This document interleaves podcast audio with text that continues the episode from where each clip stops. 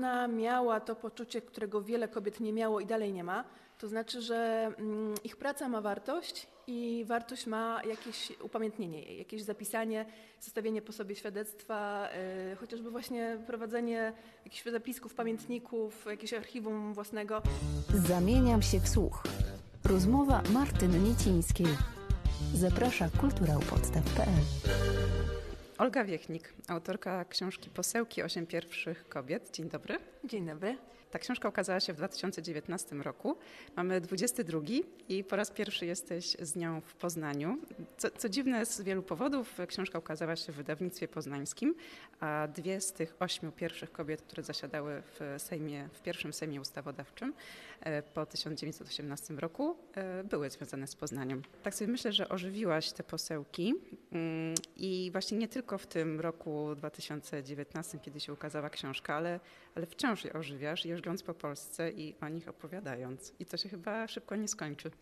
No właśnie, w sumie bardzo mnie zdziwiło i bardzo mnie cieszy to, że te trzy lata po premierze cały czas e, jest zainteresowanie, cały czas właśnie mm, posełki żyją i, i gdzieś mogę, mam szansę i okazję o nich opowiadać. I też przy okazji się różne inne rzeczy wokół e, nich dzieją, bo różne formy upamiętnienia się co jakiś czas zdarzają. Na przykład niedawno e, Anna Piasecka dostała swój skwer w Kwidzynie i bardzo i mnie i rodzinę to ucieszyło. Mhm. Czy ja dobrze myślę, że musiało upłynąć no, prawie 100 lat od tego pierwszego Sejmu Ustawodawczego, żeby ukazała się taka książka, która zbiera życiorysy tych ośmiu kobiet? Nie wiem, czy musiało. No na pewno dla mnie to stulecie było, te obchody były, tak, no były szansą na znalezienie tego tematu. Jak się te obchody zbliżały w 2017 roku, to sobie wokół tego tematu różne rzeczy czytałam i uderzyło mnie to, że ta historia, historia wywalczenia przez Polki praw e, politycznych właściwie kończy się na tym, na tym akcie nadania im praw wyborczych. A to tak naprawdę jest dopiero początek, bo te prawa polityczne pozwoliły kobietom dostać się do, e, do Sejmu i dopiero w tym Sejmie e, trwała ta praca nad zmianą tego, co naprawdę wpływa na życie kobiet na co dzień, czyli praw e, zawartych w kodeksach cywilnych i karnych. Mówiąc o tym, że to musiało czekać, to miałam w domyśle, że dlaczego tak długo y, to się nie wydarzyło. Co z tymi poprzednimi pokoleniami kobiet, badaczek, dziennikarek? Y, bo rozumiem, że musiałaś po prostu zbierać rozproszone informacje po, po różnych miejscach, bo one wcześniej tak w takim jednym tomie się nie znalazły. Nie, nie, jakoś wcześniej, y, wcześniej się coś, nic takiego nie wydarzyło i też te ich biografie, historie miały bardzo różne, różnymi torami się toczyły. Na przykład y, Jadwiga Dziubińska i Irena Kosmowska, które były przedstawicielkami ruchu ludowego, e, miały to szczęście, nieszczęście dla mnie, w sumie szczęście, że e, no w PRL-u, w tej zrealizowanej w cudzysłowie Polsce Ludowej, łatwo stały się takimi, były takimi wygodnymi bohaterkami. Więc te ich biografie badano, zbierano wspomnienia, docierano do ludzi, którzy jeszcze żyli. E, i ukazały się takie tomy wspomnieniowe na ich temat. One były tyle wygodne dla władzy, że już nie żyły, więc nie mogły powiedzieć, co o tej Polsce Ludowej myślą, a, a Polska Ludowa właśnie zrobiła sobie z nich takie, takie bohaterki. No to właśnie dla mnie było bardzo dobre, bo, bo zachowano te wspomnienia osób, do których inaczej już by nie było jak dotrzeć. Mhm. A z pozostałymi bohaterkami miałaś dużo przeszkód i do przejścia? E, no właśnie też było bardzo różnie, bo na przykład Franciszka Wilczkowiakowa, czyli jedna z tych dwóch związanych z Poznaniem, jak zaczynałam pracę nad książką, to w ogóle nie było wiadomo, jak ona wyglądała. Nigdzie nie było w żadnym muzeum, w żadnym podręczniku, w żadnym archiwum e, jej zdjęcia. Nawet trwała taka, e, taka została zorganizowana taka kwerenda ponadarchiwalna, czy ktoś gdzieś wie, kojarzy. Nic się nie znalazło. Ja miałam to szczęście, że udało mi się dotrzeć do jej wnuka, który mieszka w Koninie. E, I weszłam do niego do domu i zobaczyłam e, na ścianie piękny, duży portret Franciszki Wilczkowiakowej z jakby takiego e, okresu właśnie aktywności dużej, bo na przykład Anny Piaseckiej też długo funkcjonowało tylko takie zdjęcie już z lat 70. chyba, kiedy ona była już mocno starszą osobą. E, I kiedy się pojawiały właśnie takie pierwsze zestawienia tych ośmiu kobiet, no to najpierw tej Franciszki tam nie było, potem się pojawiła, a ta Anna taka długo była właśnie taką bardzo malutkim, rozpikselowanym zdjęciem starszej pani. E, też na szczęście jej zdjęcie już jest e, w Muzeum w Kwidzynie, się znalazł piękny portret, więc te, te różne luki się uzupełniają. A na przykład z Zofią Raczewską, która była, jest moją główną bohaterką, też miałam to ogromne, szczę- ogromne szczęście, że ona miała to poczucie, którego wiele kobiet nie miało i dalej nie ma. To znaczy, że mm, ich praca ma wartość i wartość ma jakieś upamiętnienie jej, jakieś zapisanie, zostawienie po sobie świadectwa, y, chociażby właśnie prowadzenie jakichś zapisków, pamiętników, jakiegoś archiwum własnego. I Zofia Moraczewska pisała bardzo dużo. Na początku dlatego, że uważała, że należy upamiętnić jej męża, wielkiego męża stanu, y, pierwszego premiera II Rzeczpospolitej. Z czasem dała sobie prawo do y, przyznania, że swoją działalność też chce upamiętnić, bo ona jest ważna e, i bardzo namawiała do tego inne kobiety. I dzięki, dzięki temu ja dostałam e, wspaniały prezent, który pozwolił mi zrealizować to, co było takim moim głównym celem przy pisaniu tej książki. To znaczy chciałam pokazać nie tyle, opowiedzieć nie tyle takie polityczne biografie kobiet, tylko jakiś mieć wgląd w to ich e, takie prywatne życie, w, w to, co one myślały o tej swojej pracy, o tej swojej roli pionierek, o to, jakim kosztem ta, ta praca się odbywała. I Zofia Moraczewska mi to umożliwiła, do pewnego stopnia oczywiście tylko, ale umożliwiła mi to też dlatego, że e, oprócz tych oficjalnych zapisków i wspomnień, o których miała świadomość, że one się gdzieś potem będą czytane, to prowadziła bardzo żywą, bardzo bogatą i taką bardzo szczerą e, korespondencję z siostrą. Wymieniły mnóstwo listów między sobą. I Zofia też miała bardzo żywy język, miała poczucie humoru, miała opinie na bardzo wiele tematów, co jest bardzo cenne dla mnie. E, I w tych listach jest e, jakby całe bogactwo też takiego jej życia i prywatnego, i emocjonalnego, psychicznego, więc, więc tu miałam e, bardzo dużo materiałów. No w, innych, e, w innych przypadkach było to bardzo różnie. Mhm. Właśnie wspomniana Franciszka Wilczkowiakowa, e, która mieszkała w Antoninku, kiedyś pod Poznaniem, teraz to już jest część miasta.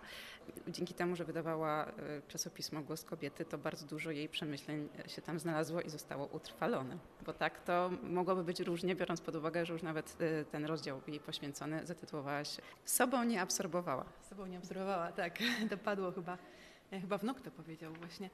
Tak, to, to w ogóle ta gazeta była wspaniałą lekturą, e, bo no, te poglądy, które ona tam zawierała, były jak na dzisiejsze czasy dla wielu bardzo postępowe. Mianowicie pisała o tym, że e, dzieci należy traktować jak ludzi, bo są ludźmi, nie należy ich bić, że należy się szczepić e, i tak dalej. Też bardzo ładnie pisała o tym, że jesteśmy strasznie ponurym narodem i że no, nie przysporzy nam powagi, jak będziemy wiecznie tacy skrzywieni chodzić i trochę też poczucie humoru więcej by się przydało. Też ta gazeta była takim sposobem na e, takie zaktywizowanie kobiet e, do działań bardzo różnych, nie tylko politycznych, ale też takiego, takiego brania e, swojego życia w swoje ręce, przejmowania inicjatywy i za, jakby zatroszczenia się o, e, o, o własny los, o który się no, nikt inny nie zatroszczy, zwłaszcza, że no, ta kobieca perspektywa cały czas nie była dostrzegana. To, że tych kobiet było w Sejmie 8, to było super i to było aż 8, ale to było też tylko 8. I e, wiele e, spraw, które dotyczyły tylko kobiet, które one podejmowały, m, przepadały, bo mężczyźni nie widzieli tam problemu, bo to po prostu ich nie dotyczyło. No tak, i Wilczkowiatkowa też zwraca uwagę na to, że e, praca domowa kobiety e, to też jest rzecz e, równie ważna jak to, kiedy mąż wychodzi do pracy i zarabia pieniądze i wyliczała właśnie ile co kosztuje. To, no to zupełnie tak jakby dzisiaj przeczytać artykuł w Wysokich Obcasach na przykład, prawda? To no, no niewiele się zmieniło pod e, niektórymi względami. Tak, to też mnie właśnie uderzyło, że ona tam e, pisze o tym, że tam Amerykanki wyliczyły, ile kosztuje godzina prania, prasowania i to wszystko razem e, uświadamia, że praca kobiet w domu to jest praca, której właśnie się zupełnie nie dostrzega, nie docenia. I e, a propos takich właśnie mm, rzeczy bardzo aktualnych, które już wtedy były dostrzegane i jakoś postulowane, to mnie na przykład uderzyło e, to, że postulat równej mm, płacy za równą pracę też już wtedy był podnoszony. Mnie się wydawało, że to jest coś nowego, skoro cały czas nie jest e, ten problem rozwiązany, a w sumie to nie jest tak trudny problem do rozwiązania, bo no, są, są proste narzędzia prawne, które mogłyby to, ten problem rozwiązać i w niektórych krajach tak się, tak się dzieje. U nas to cały czas jest jakiś, ogromny problem i jest to problem od 100 lat. A e, jaki zasięg miał głos kobiety? Gdzie był wydawany? To była, to była lokalna prasa, więc ja nie wiem, nie pamiętam teraz dokładnie jaki był nakład, ale to też było, bo to był e, organ stowarzyszenia, więc, e, więc to jakby dotyczyło pewnie głównie tego, tego lokalnie działającego stowarzyszenia, ale już na przykład organizacja, którą e, prowadziła Zofia Moraczewska, Związek Pracy Obywatelskiej Kobiet, był masową, e, drugą największą albo w niektórych źródłach pierwszą największą e, organizacją kobiecą w Polsce. I to też była taka praca na każdym poziomie, bardzo ważna. I to, co Zofia całe życie powtarzała, że jest ważne i co robiła, czyli nauka mówienia, czy to, że kobiety należy nauczyć mówić, w sensie takim, że no, nikt im nie daje tych narzędzi, nikt ich nie uczy argumentowania, zabierania głosu, prowadzenia dyskusji, więc no, nie potrafią się obronić w różnych sytuacjach e, i, i tych swoich racji wyłożyć. E, po e, takie sprawy jak jakieś pierwsze przychodnie świadomego macierzyństwa, po taką socjalną pomoc, która była ogromnie ważna w kraju, którym no, druga Rzeczpospolita to był kraj bardzo biedny. Kraj, w którym no, ludzie umierali z głodu i warunki życia zwłaszcza e, kobiet e, wielodzietnych, często wbrew swojej woli, były bardzo, bardzo złe. Zastanawiam się też, y, jaki był mechanizm, nie wiem, albo jak wyglądały kampanie wyborcze tych, tych kobiet, bo Wilczkowiakowa przyjechała spod Tybingi do Poznania, czyli y, no, chyba jej rozpoznawalność nie była zbyt duża. Tam działała na rzecz Polonii, tak, prowadziła księgarnię polską, no ale przyjechała do Poznania i No właśnie, to jest bardzo ciekawe, bo ona e, zresztą już w Poznaniu e, weszła w skład Sejmu Dzielnicowego, więc musiała się e, pozycją jakoś cie- cieszyć. Ja tej jej przeszłości, tej działalności w Niemczech niewiele o niej wiem, więc no myślę, że musiała ją jakoś dość aktywnie rozwijać, więc ona musiała być cenioną e, postacią. Zwłaszcza, że Franciszka jest też o tyle niezwykłą postacią, że jej ojciec był niepiśmiennym chłopem, więc ta jej droga do Sejmu no, jest taką drogą niezwykłą i w przyspieszonym tempie. Em, A co do kampanii wyborczych, no, to też jest tak, że pomysł przyznania kobietom praw e, wyborczych no, nie, nie, nie cieszył się jednogłośnym e, uznaniem. E, wiele środowisk miało z tym wiele e, problemów. W końcu, e, kiedy się na to jednak zdecydowano, problem kolejny był taki, że kobiety umieszczano na miejscach na tyle niskich, żeby do tego Sejmu nie weszły. To takie, takie działanie fasadowe było.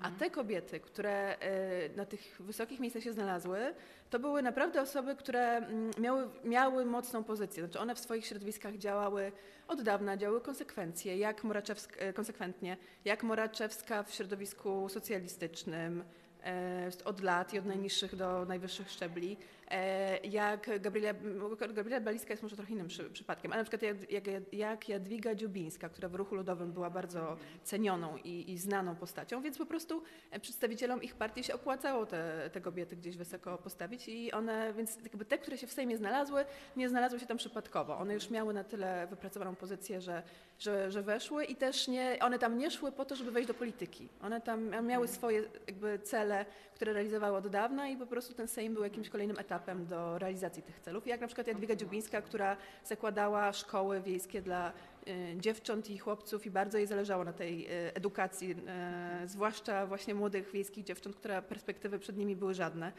Nawet wykształcenie rolnicze, takie jakby w ich e, no, z- zawodzie to może wypowiedzenie, no ale naturalnym środowisku. tak, dokładnie. Jakby pozwalało im może trochę mniej harować na przykład w tym dorosłym życiu i robić rzeczy jakoś, no właśnie z jakąś wiedzą. Więc ona poszła do Sejmu po to, żeby przewalczyć ustawę o szkołach rolniczych i kiedy jej się to udało, z Sejmu odeszła. E, Jej koledzy byli niepocieszeni i w ogóle nie rozumieli dlaczego i myśleli, że może się obraziła, bo ją na zbyt niskim miejscu dali. I ona im tłumaczyła, że no nie, nie, każdego, nie każdego celem jest bycie w polityce i nie każdy chce y, y, się tym zajmować i ona po prostu chce robić ważniejsze dla niej rzeczy. No, ciekawe podejście. E, I też już taką osadzoną w środowisku politycznym była e, Zofia Sokolnicka, druga związana z Poznaniem. E, No niezwykła kobieta, kobieta szpieg, emisariuszka z niezwykłą pamięcią, która nie musiała przemycać żadnych papierów na, na zachód, bo wszystko miała w głowie. E, Pod pretekstem e, walki ze ślepotą, z którą naprawdę się mierzyła, e, wyjeżdżała za granicę i dostawała taką możliwość. Za tą granicą się nie leczyła jednak, tak, żeby choroba postępowała i żeby mogła następnym razem znowu mieć pretekst do wyjazdu i przekazać kolejne informacje. Wow, no ja po prostu byłam pod niesamowitym wrażeniem, jak czytałam o niej rozdział. O ile Wilczkowa-Kowia jest taka, no taką babcią fajną, bliską sercu, o tyle po prostu Zofia Sokolnicka to jest no, Tomb Raider po prostu. No tak, to ta jej szpiegowska działalność i ta jej fotograficzna pamięć to, to jest taki tak, bardzo atrakcyjny element jej biografii. A z kolei dramatycznym e, aspektem jest to utrata wzroku. I ja myślę, jakby z tego, co też wyczytałam w jej takich listach prywatnych, myślę, że ona jednak ym, chciała się też leczyć, jakieś próby podejmowała. Tam są jakieś, e, jakieś fragmenty korespondencji z lekarzami, jakieś też jakieś pieniądze wysyłane do jakiejś parafii w intencji, więc jakby różne metody e, stosowała. No ale ten wzrok traciła i, i w końcu no, straciła go, mm, w ogóle zmarła przedwcześnie w czasie swojej drugiej kaden- kadencji. Pracowała do ostatniego momentu, była bardzo aktywna, więc też no, prawie nic nie widząc, no to wymagało to jakiejś strasznej siły woli. Zresztą też bardzo nie chciała się z tym życiem rozstać. Tam pamiętam, że gdzieś znalazłam informację, że ksiądz kilka razy przychodził do niej z ostatnim e, namaszczeniem. Po prostu cały czas się wydawało, że już, ale nie, ona cały czas jeszcze próbowała, mm, czym jeszcze miała siły. E, więc to jest też taka postać, też bardzo ciekawa tyle, że w tych specyficznych e, pruskich warunkach działająca miała no, inne mm, możliwości ograniczenia niż na przykład Moraczewska, która działała w Galicji, gdzie było dużo swobodniej jednak, czy w za- zaborze rosyjskim, który no, może był brutalniejszy, ale był bardziej dziurawy. I Zofia też e, miała taką cechę, że się nie, no, musiała ją mieć, bo to było dla jej bezpieczeństwa, ale też e, no, bardzo mocno rozwinęła taką cechę właśnie nie afiszowania się za swoją działalnością. Ona miała opinię takiej osoby, która różne rzeczy inicjowała, podpowiadała pomysły, gdzieś zasiewia jakieś ziarna i potem nie zbierała e, uznania za te różne swoje działania, zbierali je inni. E, Nie wiem, czy jej to przeszkadzało, czy nie. W każdym razie tak potrafiła e, działać, była taką szarą eminencją w różnych kwestiach i, e, i bardzo intensywnie działała e, na polu wcześniej jeszcze edukacji e, takiej no, tajnej.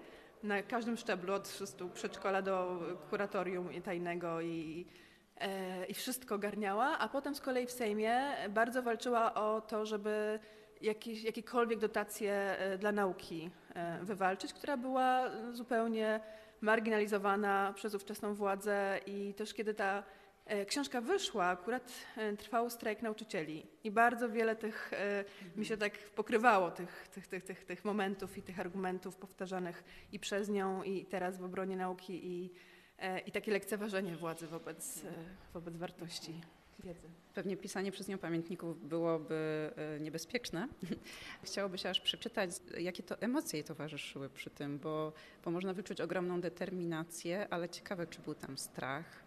No właśnie, to na pewno y, takie wychowanie w rodzinie z tradycjami powstańczymi wielopokoleniowymi to robi swoje. I ja też jestem bardzo cie- ciekawa, byłabym takich jej pamiętników. Szkoda, no gdyby pożyła dłużej, może by je napisała, y, bo na przykład Anna Piasecka to bohaterka z Pomorza, e, posłanka z Pomorza, której też niewiele e, było wiadomo, jak ja tą książkę pisałam. E, liczna rodzina wokół, ona miała 11 rodzeństwa, ale mm, nie dotarłam do żadnych takich osobistych jej zapisków.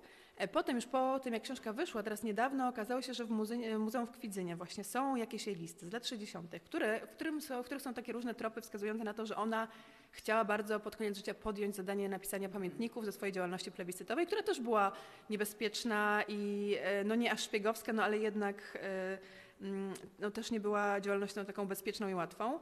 E, I, I bardzo to jest smutna lektura, bo ona pod koniec e, życia borykała się z bardzo dużymi trudnościami materialnymi. Próbowała wywalczyć jakąś rentę dla osób zasłużonych w działalności plebiscytowej i pisze w tych listach, że gdyby może tą rentę dostała, to byłoby ją stać na opał i by tak nie marzła i wtedy mogłaby te pamiętniki pisać i no i jakoś dużo się z tym zmaga. I pamiętniki się nie odnalazły, może jakieś skrawki gdzieś są, e, no ale wydaje mi się z tego, co przeczytałam w tych listach, to że to się po prostu nie udało. Y, Książka żyje dalej swoim życiem. Dochodzą do ciebie jakieś wieści o mm, nowych e, wiem, badaniach albo odkryciach, albo e, ktoś z rodzin tych, e, tych kobiet się odzywa może i coś, jakieś kolejne tropy podsyła. Tak, właśnie w przypadku Anny Piaseckiej tam jest taki bardzo, to jest w ogóle bardzo cenna osoba w każdej rodzinie, czyli taki kronikarz prywatny. Jest właśnie taka z bocznej linii. Pan Lech Kamiński, który bardzo aktywnie zbiera wszystkie strzępy informacji. Jak tylko coś się pojawi, to mi natychmiast podsyła i właśnie od niego się dowiedziałam, że e, radni e, e, Kwidzyna uznali, że należy upamiętnić ją własnym skwerem, że w, różnych, na przykład ona też, e, to akurat było zaraz po, po tym, jak książka się ukazała, e, w Gdańsku jedno z rąd na, nazwano na imieniem Anny Piaseckiej, co też jest dużą rzeczą. To była pierwsza kobieta e, w Trójmieście z własnym rondem. Więc jakieś tam rzeczy wokół się dzieją. Też ten temat był w jakichś szkołach różnych podejmowanych, na jakichś pracach, warsztatach. E, Więc to jest zawsze każdy, każdy skrawek, każdy przejaw e, dalszego życia e, i dalszej pamięci o, o tych bohaterkach jest zawsze bardzo e, przeze mnie z radością witany. No też tak się zastanawiam, co zaniedbały te poprzednie pokolenia dziennikarek, badaczek, archiwistek, czego nie wiem, już się na przykład nie da odzyskać. Czy masz takie poczucie, że mm, jakieś źródło informacji wyschło?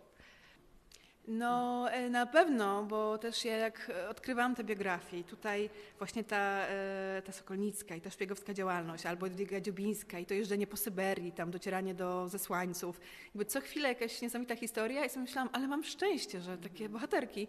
A potem sobie świadomiłam, że to nie tyle moje szczęście, to po prostu mnóstwo jest takich historii nieopowiedzianych i jakoś tam, no, które przepadły. E, zwłaszcza te, mm, te, te wspomnienia ludzi wokół, e, jeśli nie zebrane, no to one są tak cenne i, i tego jest strasznie szkoda. E, ale też jest taki duży problem z tym, że przy którym też ja się teraz spotykałam pisząc drugą książkę, że kobiety mają opór przed tym, żeby po sobie zostawiać wspomnienia.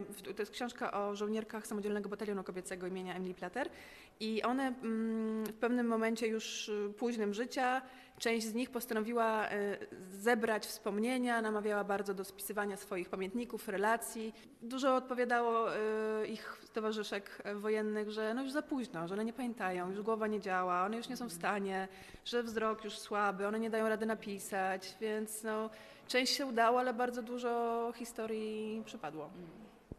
To uprzedziłaś moje pytanie o następną książkę. Fajnie, że zdradziłaś, bo nie wszyscy chcą zdradzać podczas pisania, e, nad czym pracują. E, Możesz coś więcej powiedzieć? No mogę zdradzać, bo już napisałam, więc dopóki bym jej e, by była, bym była w trakcie, to bym też nie chciała zapeszać. Tak, no to jest historia taka też bardzo tragiczna, bo na samodzielny batalion kobiecy, taką bardzo wyjątkową jednostkę w dziejach wojska, nie tylko polskiego, bo złożoną w pełni z kobiet i szkoloną do walki, walki frontowej, e, złożyły się dziewczyny, które zostały trzy lata wcześniej jako 13-14-latki wys- zesłane na Syberię e, kiedy jednak Hitler ze Stalinem postanowili walczyć ze sobą, a nie e, z- m, jakby między sobą, a nie razem. E, I one no, właśnie jako takie bardzo młode dziewczyny trafiły w te straszliwe warunki. I kiedy mm, w ZSRR tworzyła się armia e, Berlinga, no to się do niej po prostu zaciągnęły masowo, żeby w ten sposób wrócić do domu. E, I miały po te 18-19 lat, jak e, zaczęły szkolenia wojskowe. Em, Potem ich historia też jest bardzo ciekawa. Nie chcę jej teraz zdradzać z różnymi zwrotami akcji. I, no i też, e, też ten mm, jakby wątek upamiętniania, dokopywania się do wspomnień i, i relacji tutaj był e, bardzo istotną częścią pracy. I Kiedy się książka ukaże? E, W styczniu, więc już niedługo. O, super. Fajnie. Olga Wiechnik, bardzo dziękuję. Dziękuję. Zamieniam się w słuch. Rozmowy Martyny Niecińskiej. Dostępne na kulturaupodstaw.pl